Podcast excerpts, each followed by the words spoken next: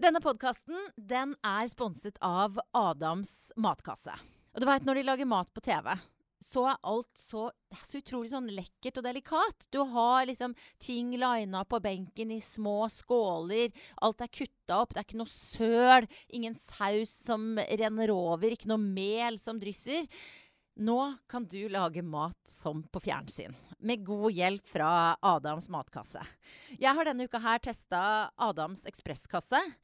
Og Ekspressen, det betyr at de har gjort nesten alt arbeidet for deg. De har kutta opp blomkålen i små, nydelige buketter. De har laga ferdig sausen.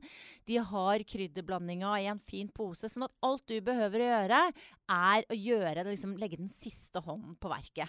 Og veldig ofte når det går raskt, så tenker man sånn ah, men du vet jo at det ikke er like sunt, og da er det mye salt i, og tilsetningsstoffer og sånn. Sånn er det ikke med Adams. Dette her er kjempegode, sunne middagsretter. Og jeg veit det, for jeg hadde butter chicken til middag i går. Jeg skal ha fiskeboller i hvit saus uh, i dag. Og hvis du også har lyst å prøve Adams matkasse, så bruker du koden BRA damer Bra damer, rett fram i ett ord, når du logger deg på eh, Adams eh, matkasse. Dette her gir deg 50% hvis du ikke har brukt Adams eh, matkasse før. Halv pris på din første matkasse. Og husk det, bra damer trenger bra mat.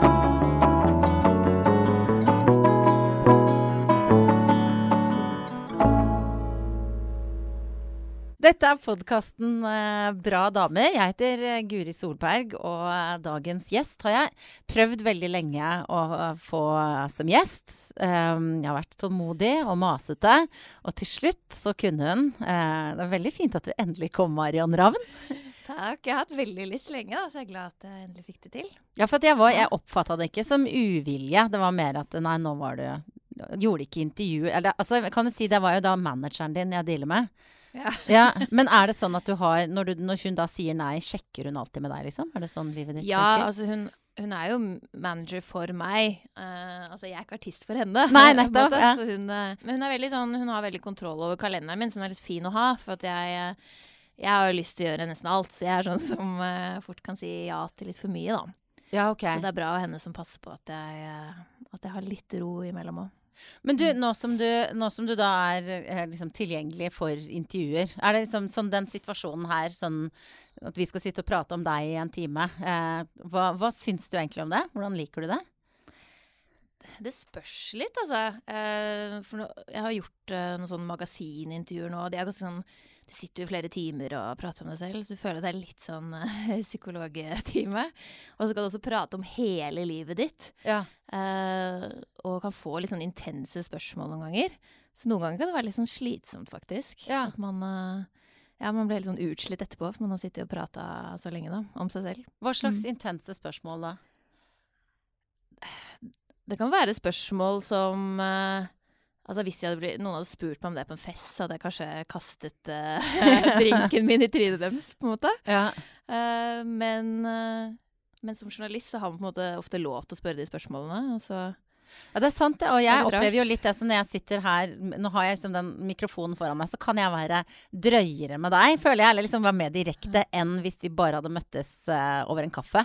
Man får en slags sånn, sånn ekstra Jeg vet ikke eh, grunn til å stille direkte spørsmål. Ja, det er litt sånn. Ja. Men eh, man har jo blitt vant til det, og så har jeg heldigvis lært da, at, eh, at jeg ikke må svare på alt. Mm. Jeg tror når jeg var yngre, så, så, skal man være høflig, da. Og man skal sånn, svare når man blir spurt om noe. Mm. Mm. Jeg har liksom sånn tenkt med meg selv eh, Når jeg selv ble intervjua liksom de første gangene for mange år siden, da var jeg også litt sånn høflig. At jeg har annet et sånt bilde av meg selv med en sånn gul plastikk-saksofon. Eh, som liksom skal illustrere at jeg er glad i musikk eller sånn. Det er ikke så veldig graverende eller sånn, men husker, for meg så er det et sånt eksempel på Å ja, da visste jeg ikke at jeg kunne si nei. har du noen sånne ting som du har stilt opp på som du ikke ville gjort nå? Som du gjorde da du var ung og velvillig? Si? Ja, altså Dessverre så kom jo internett uh, akkurat altså, rett etter jeg begynte å gjøre intervjuer. Ja. Så det er jo over hele internett, føler jeg. Litt sånn uh, kleine Ja, hva da tenker du på? Promobilder og sånn. Nei, jeg, jeg kommer kanskje ikke på et sånn et et eksempel, men det er mye rart, da, spesielt sånn fra M2M-tiden, da. Mm, Eh, ja. ja. Hvor vi har stilt opp på litt rare bilder når vi var sånn 14 år. Ja, for da var jo du liksom i den tida hvor man kanskje aller helst vil glemme, glemme hva slags klesstil man hadde, og hvordan man hørtes ut når man snakka og sånn. Så var du midt i offentlighetens lys. Eller nå er du jo faktisk blitt inn igjen, da, den klesstilen Ja, vi hadde. Uh, jeg var på et sånn uh, nachspiel for ikke så lenge siden hvor det var noen sånne jenter med de der plastikk-halsbåndene. Ja, ja, ja. Hvor jeg var sånn Ja, sånne hadde jeg når jeg gikk på ungdomsskolen. Det var jo som inn på eh, På liksom 90 Eller på begynnelsen av 2000-tallet. Og hun bare så på meg og syntes jeg bare var så rar. Og litt sånn Hva gjør du her på dette nachspielet?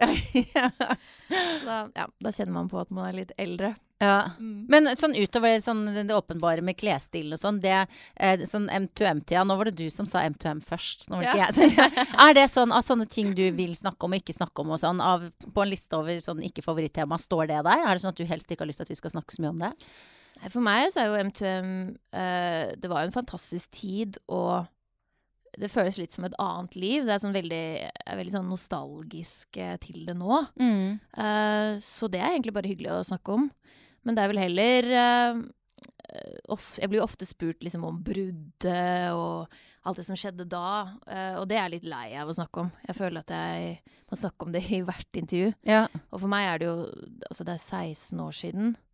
Så det er litt som om noen skulle liksom spurt deg om en, ja, en jobb du hadde før, eller uh, for 16 år siden. Sånn, Ja. Hvorfor sluttet du med det, eller Ja.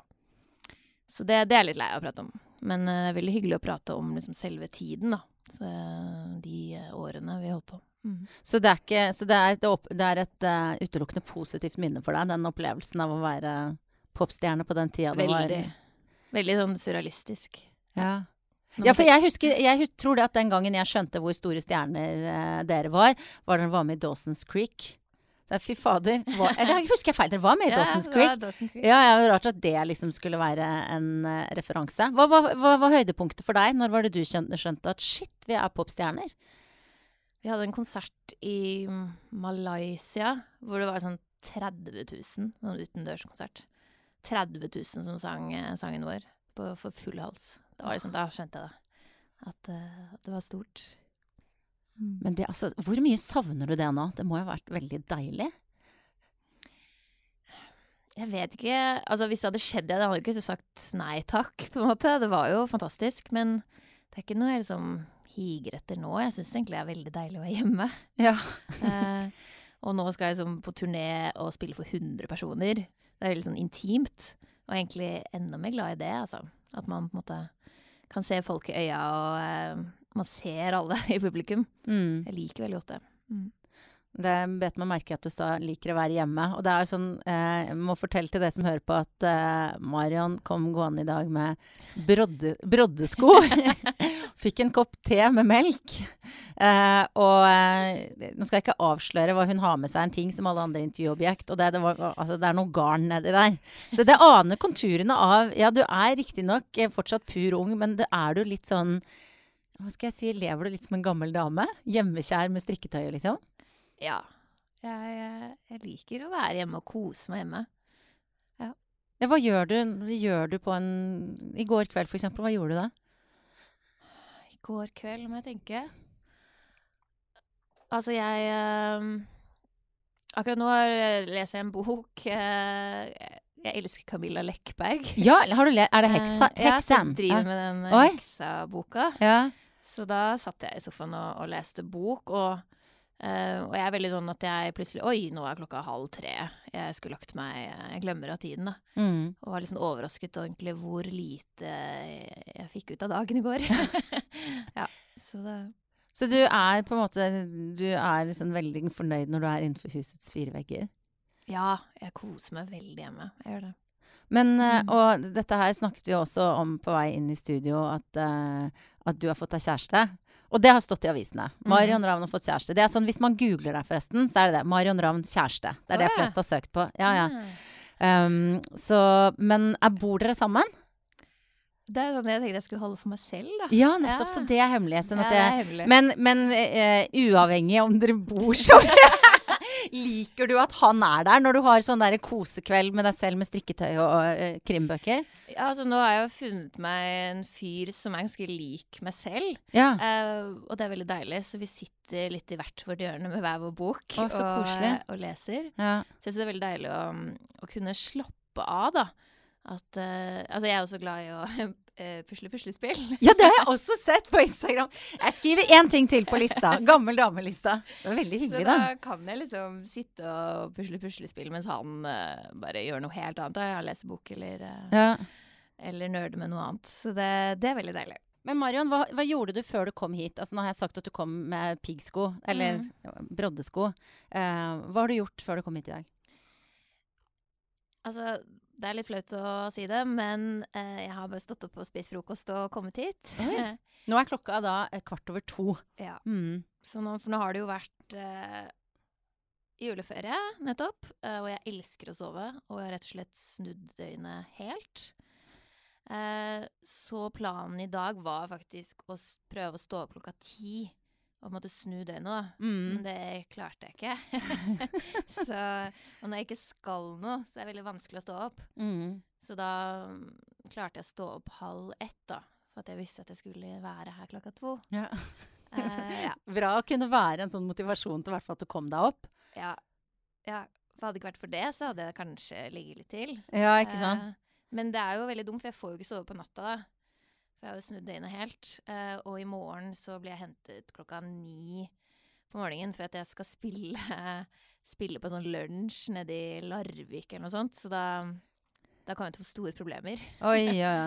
For det er kanskje for folk som hører på den podkasten, så er liksom jobben din er jo for mange litt sånn abstrakt, da. En ting, nå har du jo Mhm. spilt Eponin i Le Miserable, altså til stappfulle hus, og det bare selger og selger og selger. Det må vi snakke mer om. Men, så det er jo konkret. Da ser folk deg. Nå er hun på jobb, eller når du spiller på konsert. Men liksom den hva gjør du ellers, tror jeg veldig mange lurer på. Hvordan jobber man som artist akkurat når man ikke står på scenen?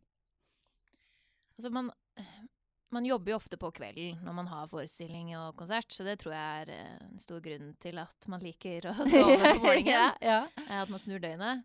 Eh, Men jobben ellers er jo Jeg skal jo skrive nye låter. Jeg er jo inne i en sånn prosess nå hvor- jeg skriver og har lyst til å begynne å spille inn en ny plate. Og da blir det jo litt at man kanskje tusler litt hjemme og setter seg ved pianoet eller gitaren og, og spiller litt og skriver litt. Eh, og så drar jeg også i studio og skriver med andre låtskrivere.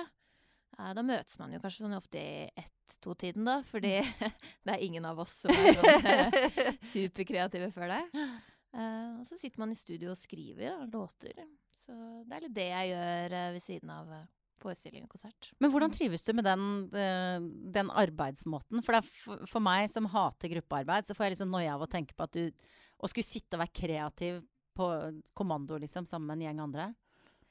Jeg tror jeg har gjort det såpass lenge at jeg har måttet vente meg litt til den prosessen. Uh, men jeg er veldig glad i å, å jobbe med folk jeg kanskje kjenner litt. Mm. At man er litt sånn varme i trøya når man setter seg ned. Mm. Man ikke er sånn 'hei, jeg heter Mariann', og så skal du rett ned, sette deg ned og skrive en låt. Så det er litt vanskeligere. Mm.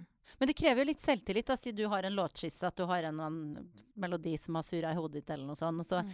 er det liksom helt greit for deg da å bare høre på dette, og så uten at du oppe å si er flau, eller Det er sårbar situasjon. Altså hvis jeg har en, en tekst i det, så syns jeg det er ganske lett å si sånn ja, hør på den her ideen. Og ofte når jeg er i et rom og skriver med andre, så er jo jeg artisten, og vi skal skrive til meg. Eh, men jeg har opplevd noen ganger at jeg har jobbet med produsenter, f.eks. borte i LA, eh, hvor de sier sånn Ja, bare syng noe. Oh. og da blir jeg bare sånn flau av bare å snakke om det. Eh, for det har liksom blitt ganske vanlig. Ja. At noen bare Altså synger det et eller annet Oi, eh, ja. oppå det de har laget da. Og det syns jeg er så flaut. Ja, hva Og gjør du da? Gjør du det likevel? Nei, da blir jeg litt sånn Nei, det er ikke helt min måte å skrive på. eh. Ja, Så det, det syns jeg er kjempeflaut. Jeg bare blir kjempeflau. så du tør å si fra, i hvert fall. Ja. Mm. Så må man jo Man har jo lært etter hvert at eh, man må være litt tøff og si ifra hvis man ikke liker noe også. For det er ikke vits å sitte der i flere timer uten å si fra, og så ender du opp med låt du ikke liker, som ikke blir brukt. Da måte kaster jo alle bort tiden sin. Så man må være litt sånn uh, flink og tøff. Har du opplevd at mange av dine ideer er blitt liksom kasta? Jeg har det før, ja. At man kanskje kom med en idé, og så syns ikke de andre at det er noe bra. uh, så uh, man må prøve å liksom bare gå videre, da, og ikke bli fornærma, da. Men det er jo Mm. sånn sett en ganske sånn uh, nådeløs bransje, da. Altså du Mm. får jo tilbakemeldinger. Altså en ting er låtskriving, en annen ting er det du leverer på, på scenen, enten aleine eller sammen med andre. Eh, hvordan har du forandra deg i løpet av alle de årene du har holdt på, når det gjelder å ta imot det? Altså, jeg starta ganske tidlig. Altså, jeg var på min første audition jeg var sånn seks år. Ja. Uh, så jeg tror jeg lærte veldig fort at det var en del av jobben eller bransjen. da, At man uh, må tåle å, å bli rejected og få et nei. Uh, og så må man bare gå videre, da. At man er liksom klar over at det er litt sånn berg-og-dal-bane, den jobben, da. Man liksom uh, koser seg med oppturene, og så, men så vet man ikke helt hva som skjer rundt neste sving. da. Plutselig går det bratt nedover. Så ja. Så jeg tror at hvis man Altså hvis jeg hadde tenkt hele tiden på nedturer, og så hadde jeg nok blitt en veldig bitter person. Ja, men har du Ja. vært liksom inne på det? Har du liksom kjent på uh, mørket? Altså sånn bare Shit, når det har gått dårlig? Altså, Eller jeg, altså, ja, hvis det har gått dårlig, da. altså jeg er en ganske positiv person. Eh, Det har også forhørt for de rundt meg at eh, hvis man eksempel er nominert til Spellemannsprisen, så tror jeg liksom at jeg skal vinne den prisen Ja. helt til jeg sitter der og ikke gjør det, da. Ja. Uh, og da blir jeg jo veldig skuffa der og da, men så ble jeg liksom ferdig med det og, og gå videre. Så jeg har alltid vært litt sånn, egentlig. Jeg har veldig troa helt til det ikke skjer. Men hva- hva er det du, som du tenker på som dine største skuffelser i livet, da? Største Ja, det er et sånt spørsmål. Det er et sånt Ja. uh, direkte Det er spørsmål. krevende spørsmål, da. «Huh». Ja. Eh, Største skuffelser uh, Ja, det var jo En av de største skuffelsene var kanskje at den første soloplata mi, som het Here I Am, ikke ble gitt, den ble ikke gitt ut i uh, USA. Eh, vi hadde jo en platekontrakt i USA, eh, men de ville på en måte fortsette å satse mest i Asia, hvor M2M hadde vært store, da. Mm. Eh, at jeg ble liksom sittende fast, egentlig, i den M2M-greia. M2M-greia.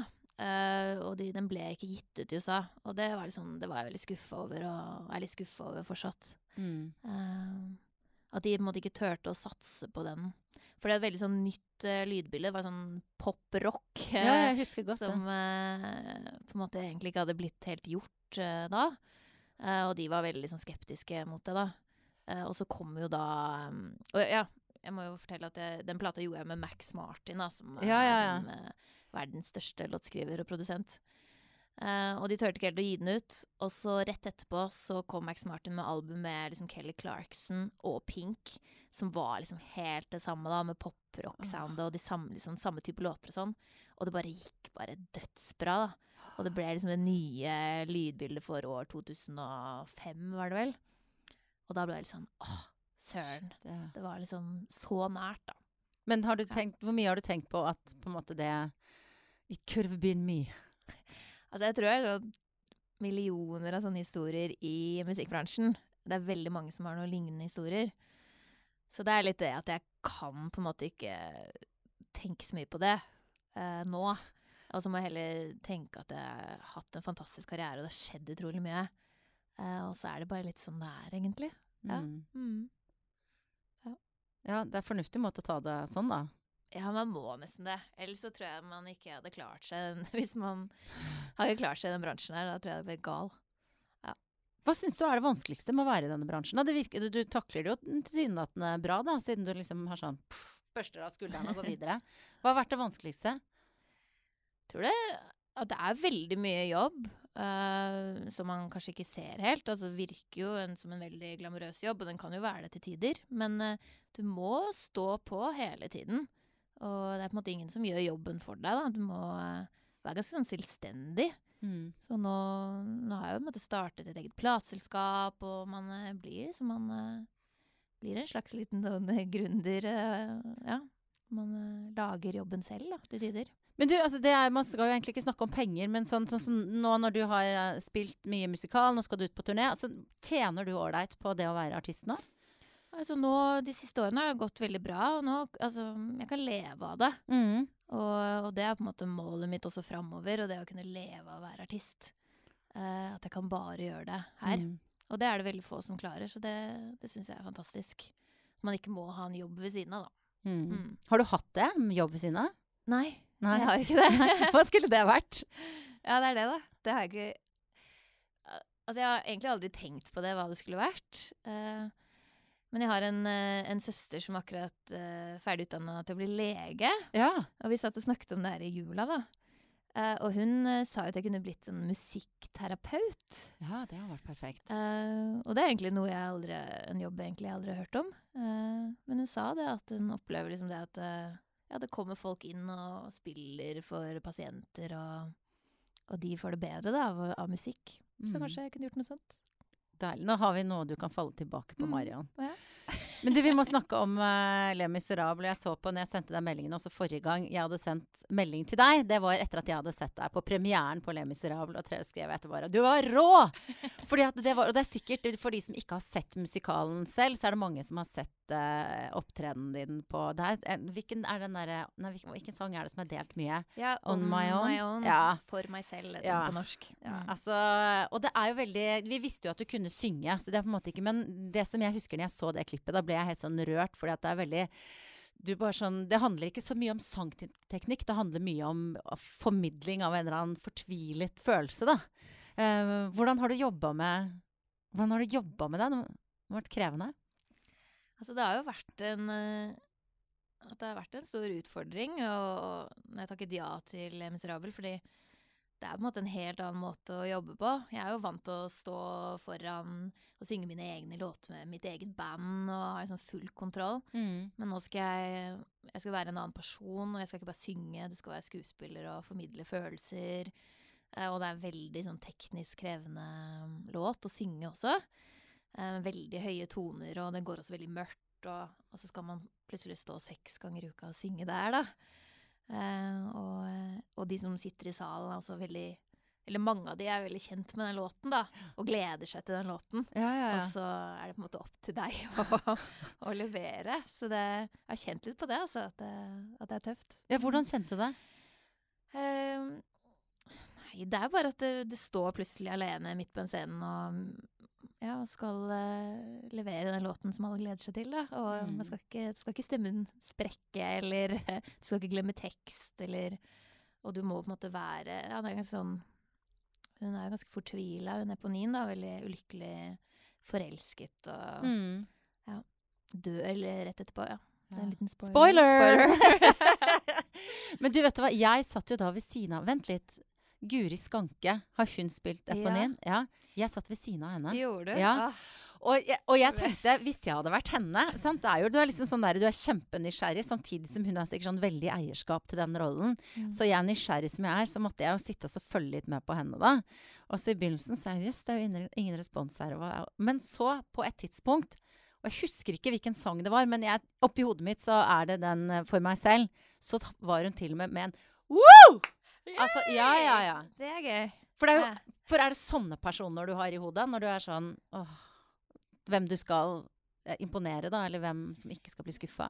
Nei, det er mer sånn eh, hun som har sett musikalen eh, 22 ganger rundt i verden og bare Ja. eh, elsker Le Miserable og On My Own. Mm. Og bare kommer da på Folketeatret og tenker å, skal hun der popstjerna Maren Ravn synge den? Hva er det for noe, på en måte? Mm. Det er mer sånne personer jeg, Ja, jeg jeg skjønner. føler at jeg virkelig liksom må levere, da. Ja. Men det er jo så klart gøy å høre det du forteller om Guri Skanke, fordi hun var jo den Uh, så vidt jeg vet, den første som spilte Eponien i Norge når den ble satt opp på slutten av 80-tallet. Mm. Uh, og jeg har googlet det her da, og funnet sånn YouTube-klipp av hun som synger um, On My Own, og det er utrolig fint. ja. Hun synger den så bra, så det, så det var gøy å høre. Jeg var fornøyd.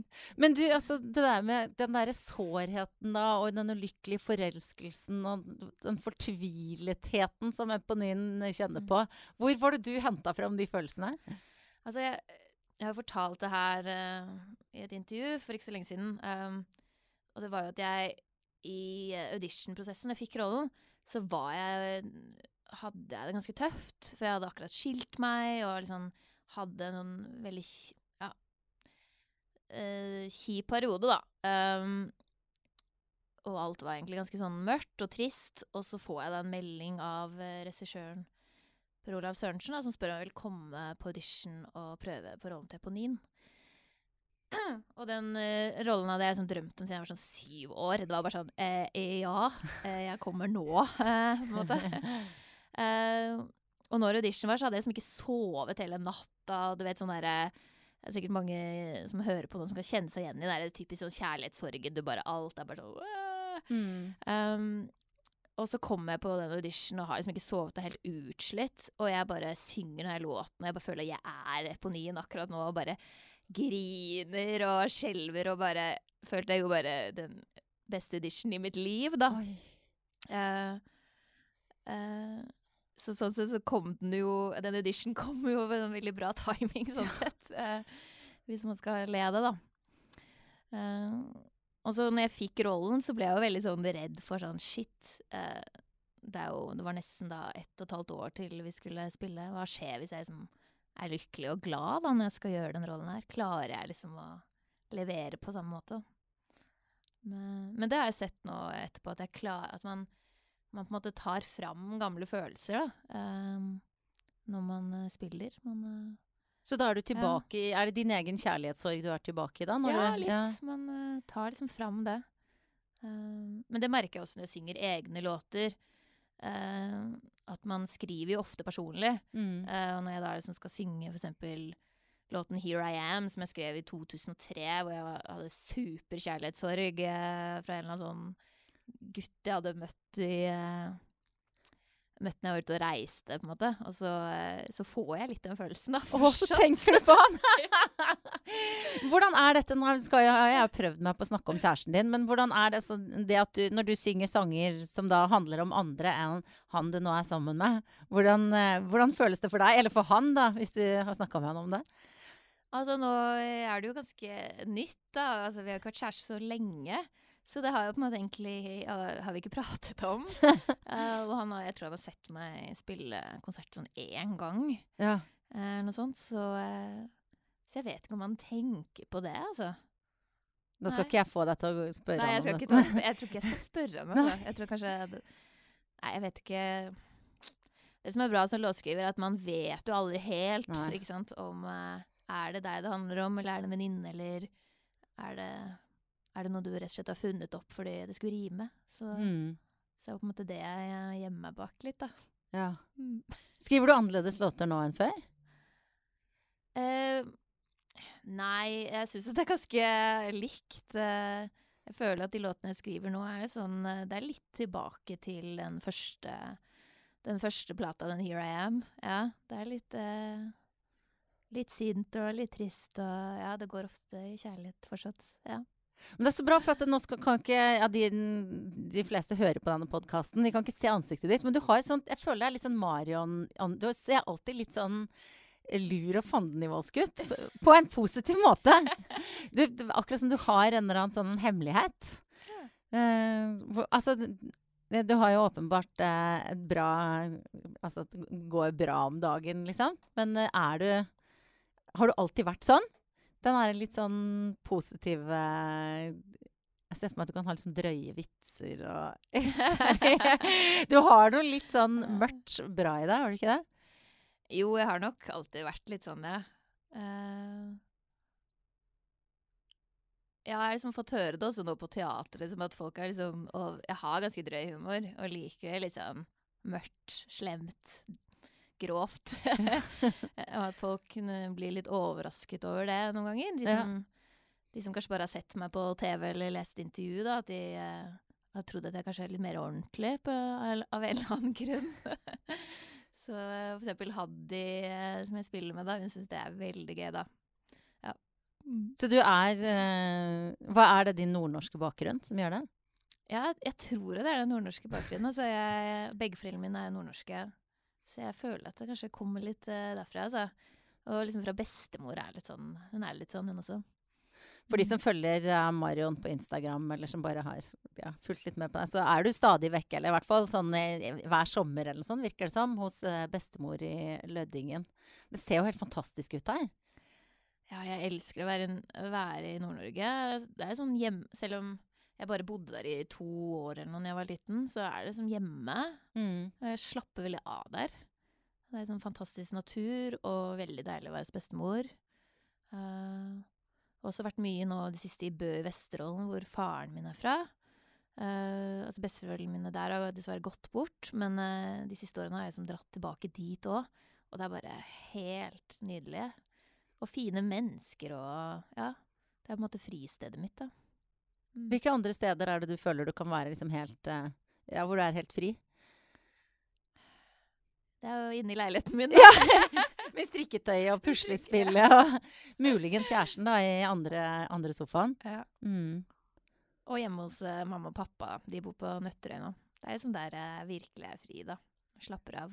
Og når du da er helt fri, hvilke sider er det du viser som, som vi andre ikke ser så mye til? Jeg føler jo egentlig at jeg er veldig meg selv alltid. Um, at Ja, sånn når jeg sitter og prater med henne nå, så er jeg jo på en måte Det er jo sånn jeg er. Mm. Um, uh, men jeg, ja, det går jeg rett i pysjbuksa liksom, når jeg kommer inn døra. Ja.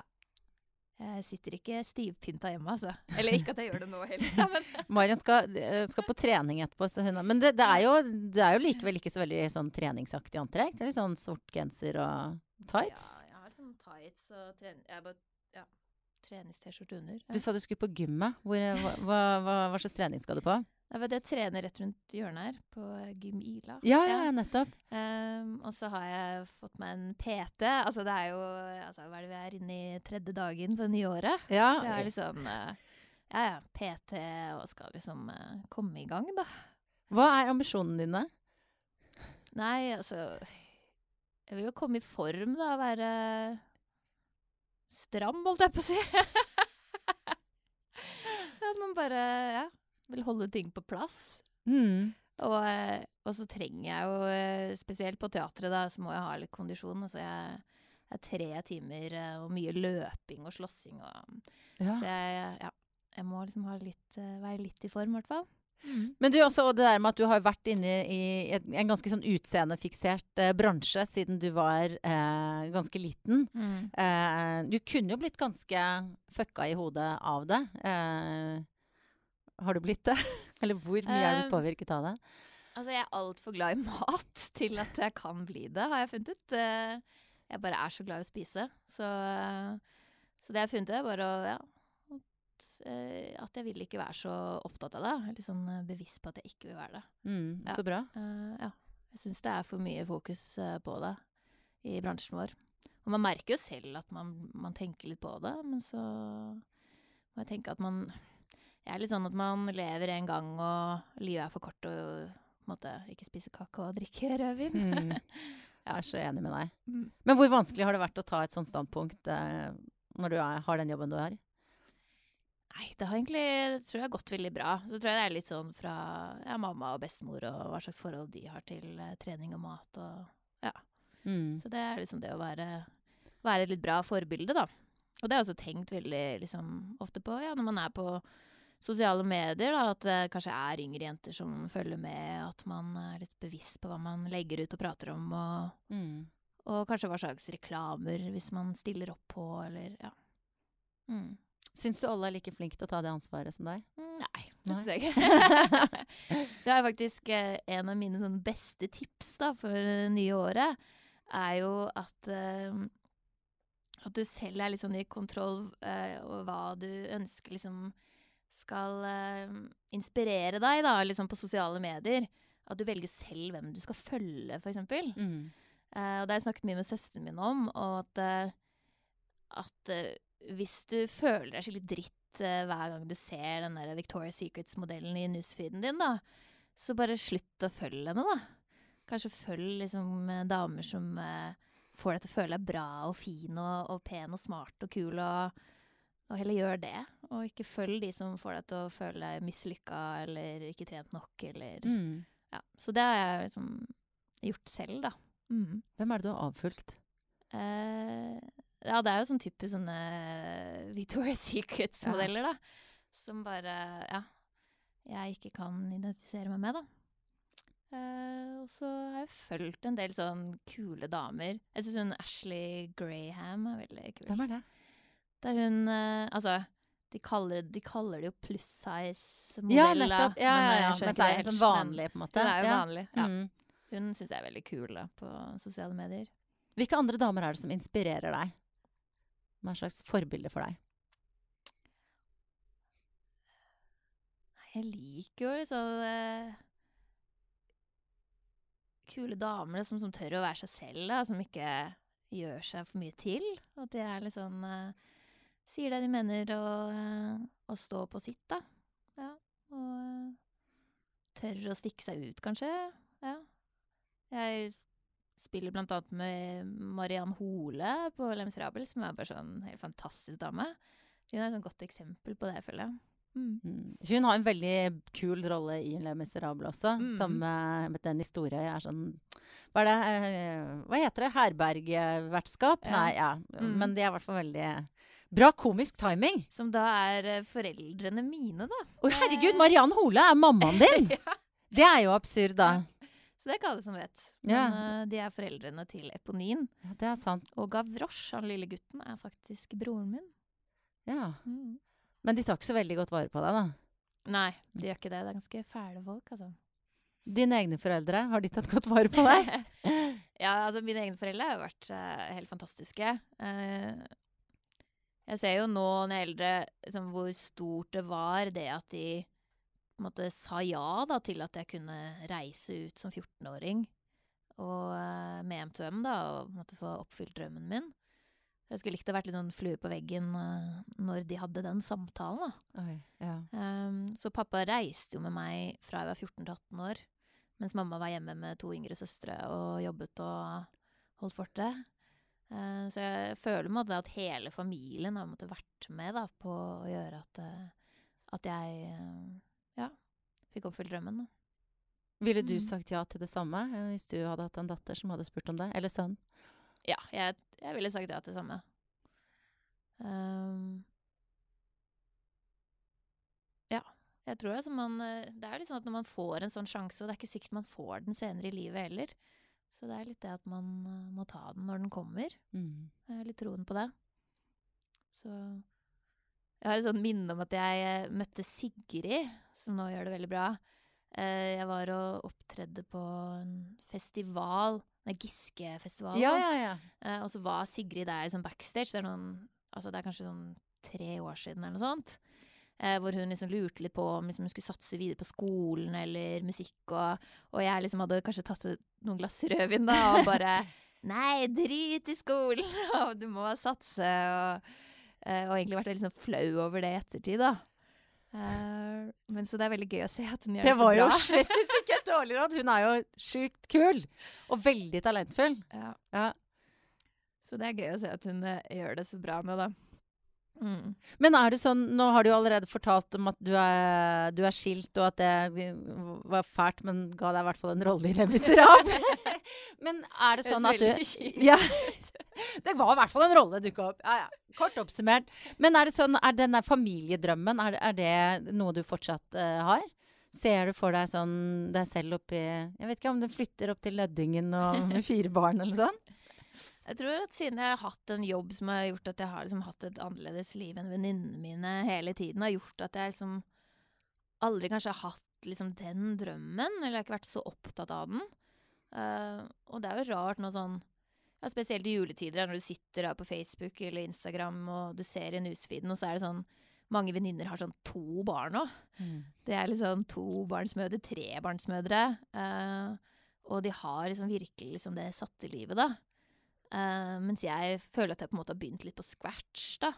At jeg liksom plutselig hoppet ti år tilbake igjen og var singel og Mm. skulle begynne på nytt. Så Nei, jeg har, jeg har liksom Jeg er litt sånn Jeg tar det liksom det kommer, jeg, har jeg tenkt. Mm. Ja.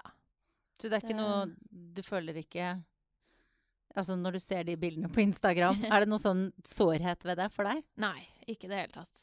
Det er ikke noe sånn Jeg føler ikke at det, det har ikke passet for meg ennå. Så får vi se hva som skjer eh, i tiden framover, på en måte. Ja. Så, men jeg, jeg syns det har vært deilig å se venninner som holder på med det samme som meg, som Eva Skram, eksempel, som har fått barn og er artist. Ja. Så det er veldig deilig å se at det går, da. Mm. Eh, hvis man har en kul søster og en bra mor og sånn, at man Ja, har folk ja. rundt seg. Men, men at det faktisk går, da. Å ha barn og dra på turné og, og holde på med musikk, da. Men du, rakk du å ha noen sånn heftig singelperiode? Før du fikk deg ny kjæreste? Ja, litt. Ja. Jeg rakk det litt. Hvordan, er det, altså, hvordan er det å være Marion Ravn og være, være singel? Jeg vet, altså jeg, prøv, jeg har egentlig prøvd å ikke tenke på det sånn selv, da. Nei. Uh, så jeg har egentlig Jeg føler at det bare har vært som alle andre. Var du på Tinder? Men uh, Ja. jeg var litt på Tinder og liksom prøvde å gjøre det sånn som alle andre gjør. Men eh, jeg er jo ikke den som blir så veldig mye sjekka opp, da. Er du ikke? Nei. Jeg blir aldri sjekket opp. Hvorfor ikke det? Jeg vet ikke. Altså Kjæresten min sa at han hadde aldri sjekket meg opp, liksom, hvis uh, Han hadde ikke tørt. Han hadde liksom aldri tørt. Så jeg vet ikke om jeg liksom utstråler noe sånn derre Ikke kom opp til meg, eh, Det er litt liksom. det der blikket jeg snakka om i stad. Sånn smilende, men. Ja, så det, derfor så det var, så det var du som sjekka opp han, da, med andre ord? Uh, ja, jeg, ja nå, du er veldig Du er så bra journalist. journalist! Du er så flink. Det er liksom bare mm, Ja, ja. Smyger deg inn. Ja, Marion Ravn sjekket opp eh, kjæresten selv, sier hun i en åpenhjertig kommentar til Guri Solberg. Nei, det var ikke helt sånn. Men, eh, men hvordan det skjedde, skal jeg holde for meg sjæl. Ja, gjør det. Ja, jeg skal gjøre det. Det er viktig Mm. å holde hemmeligheter uh, når man føler det skal være hemmelig. Ja. Mm. Jeg, er egentlig, jeg har tenkt litt på det, for jeg er egentlig Jeg er veldig åpen og føler at i intervjuer så prater jeg egentlig om det meste. Ja. Men at, uh, at jeg bestemmer litt for at det er viktig å beholde liksom, noen ting for seg selv. Da. Eh, ja, Har du noen gang angra etter et intervju og fått litt sånn fylleangst? Bare 'Å, hva var det jeg fortalte om nå?' Altså hele, hele hver gang vi møtes, eh, var jo bare Ja. en stor fylleangst. så da var jeg liksom Ble filmet i ti dager hvor jeg bare glemte at kameraene var der. Mm. Så det Da var jeg vel Ja, det er sånn, litt sånn fylleangst etterpå. Er Sånn, hva har jeg sagt, og hva har jeg gjort? Ja. Og dette skal komme på TV. Så eh, ja. Men så ble det jo en fin opplevelse. Det ble veldig fint. Mm. Og jeg tror egentlig det er fint å på en måte være åpen og være seg selv. Ja, at folk blir kjent med deg og Ja. Syns det er greit, egentlig. Mm. Ja. Og nå har vi jo lært så vidt gjennom denne podkasten at du er en, eh, en gammel kvinne fanget i en ung kvinnes kropp. Jeg sa strikketøy, ja, men hva er det du har med deg for noe? Altså, du ba meg ta med en ting som beskrev meg, og da Mm. med broderingen min. Broder... Altså, du har rett og slett Er dette broderingsbagen din? Nei, eh, altså jeg driver og broderer en juletreduk. Så den er litt stor. Nei. det- ja. Og det er noe du begynte med nå i jula, eller? Eh, nei, den her har jeg holdt på i mange år, da, for det tar litt tid. For det er, den er så svær. Men det er liksom ja, Og det er da Sånn, da. korssting, eller er det Korssting, ja. Ja. Så det Jøss. Yes. ja. Det er altså min eh, litt sånn rare hobby, da. Hvor mye vil du si Hvor ofte broderer du? Nei, det er litt sånn at jeg, når jeg får lyst, men det, det er ofte rundt juletider. Mm. Sånn høsten, julen, når det er så mørkt ute, og jeg sitter inne og koser meg med stearinlys te, og det er da jeg sånn liker å brodere. Når begynte du med dette? Det, jeg tror jeg begynte når jeg var sånn 13 år eller noe sånt. Når du var liksom i ferd med å bli popstjerne? Ja, jeg hadde meg på fly og sånn, jeg. Jeg satt og broderte på fly. Ja. Så, men jeg slapper veldig av. Jeg tror det er litt sånn mindfulness. Da, at jeg bare du, du må sitte og telle og være veldig konsentrert på det du gjør. Og så Da tenker du ikke på så mye annet. Jeg tror Mm. det er liksom veldig bra. Men er du en som hvis du ikke Altså er du en grubler? Altså hvis du ikke holder på med brodering, da, eksempel? Ja, jeg tenker mye på kveldstid spesielt, når man ikke får sove og sånn. Det er litt sånn typisk. Man eh, Ja. Hva tenker du på da? Eh, nei, da tenker man på alt. Hele livet, liksom, og ja. Mm. Har du store bekymringer? Nei. Jeg har ikke store bekymringer, altså. Jeg har det veldig bra. Mm. Ja. Jeg kan ikke klage. Du, alle som kommer hit i podkasten, får uh, tre spørsmål. Mm. Um, det første har vi for så vidt uh, snakka litt om. Uh, eller det ene, det med hvor lang tid brukte du på å finne ut hva du skal ha på deg i dag? Så da er sort fra topp til tå. Treningsklær. Ja, jeg fant ut at uh, siden jeg eh, trener rett rundt hjørnet fra hvor vi er nå, så tenkte jeg at jeg skulle bare ta på treningsklær og gjøre det litt sånn lett. Så jeg slipper å bytte etterpå. Siden, eh, ja.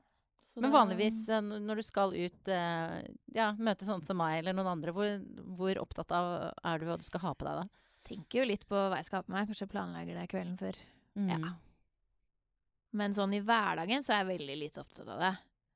Ehm, sånn i høst når jeg har spilt uh, Les Miserable, så Altså, jeg får sånn veldig mye sånn smink, svart sminke som ser ut som jeg er veldig skitten. Og det tar veldig lang tid å vaske av seg. Så derfor har jeg funnet ut at det er bedre å bare ha skiten på seg fra torsdag til søndag. Oh, ja. For jeg kommer jo hver kveld og får ny skit, Ja, ja. så da er det liksom hver søndag jeg først liksom vasker av meg den skiten, da. Og da er det sikkert litt ekte skit òg, da, etter hvert. Eh, ja, kanskje. det høres veldig ekkelt ut. Og, men de vil jo gjerne at jeg skal ha liksom fett hår, ikke sant. Så, og så skal jeg bare teateret rett inn i kostyme, så da er det veldig deilig å bare liksom Det er ikke noe vits å ha på seg høye hæler og trang olabukse da, på en måte. Men det blir litt sånn joggebukse og, og liksom joggesko Eller ja.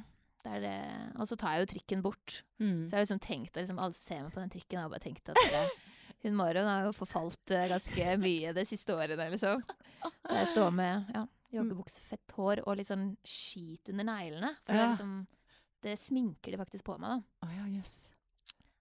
Så alle som har sett meg, vet hvorfor. vet hvorfor. Du, hva spiste du til frokost i dag? Uh, nå, ja, det er jo 3. januar, så det er liksom en del av det eh, nye meg. Så jeg spi, spiser veldig sunt. To knekkbrød med makrell i tomat.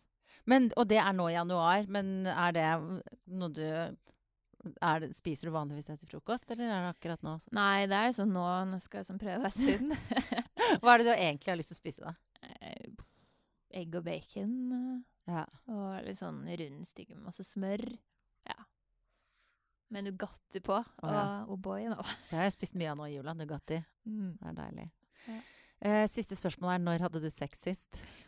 Jeg har jo hørt en del på podkasten din, så jeg tenkte det hadde vært så gøy å liksom bare det i dag tidlig, bare for å Ja, svare det. Ja, Men eh, det fikk jeg ikke til, da. du fikk ikke til det. Nei. Hva var det som hindret deg? Jobb. Var det at du måtte komme hit? Ja, eller han måtte på jobb, da. Ja, nettopp. Men det hadde vært veldig gøy å kunne svart det, da. Ja. Ja, Så Men eh, det var eh, Jeg gikk inn i det nye året, rett og slett. herregud. Mm. På liksom slaget tolv, eller? Nei. Men, men du starta det nye året Startet det nye året med sex. Det lover jo godt for eh, året som kommer, da. Ja, jeg tenker det. Mm. Mm. Hva ønsker du deg mest av 2018? En låt som alle kan. Som alle synger på toppen av lungene sine. Mm. Sier man det på norsk? Toppen av lungene sine? Jeg skjønner, nei, kanskje, kanskje det er et engelsk Jeg uttrykk, tror det. men uh, Ja. nå sier vi det Nei, på norsk Nei, men jeg ønsker meg en låt som bare alle kan. Mm. Mm. Jeg håper den kommer i år. Det hadde vært kult. Tusen takk for at du kom, Marion. Takk for meg. Tusen takk. Hvem er kjæresten din?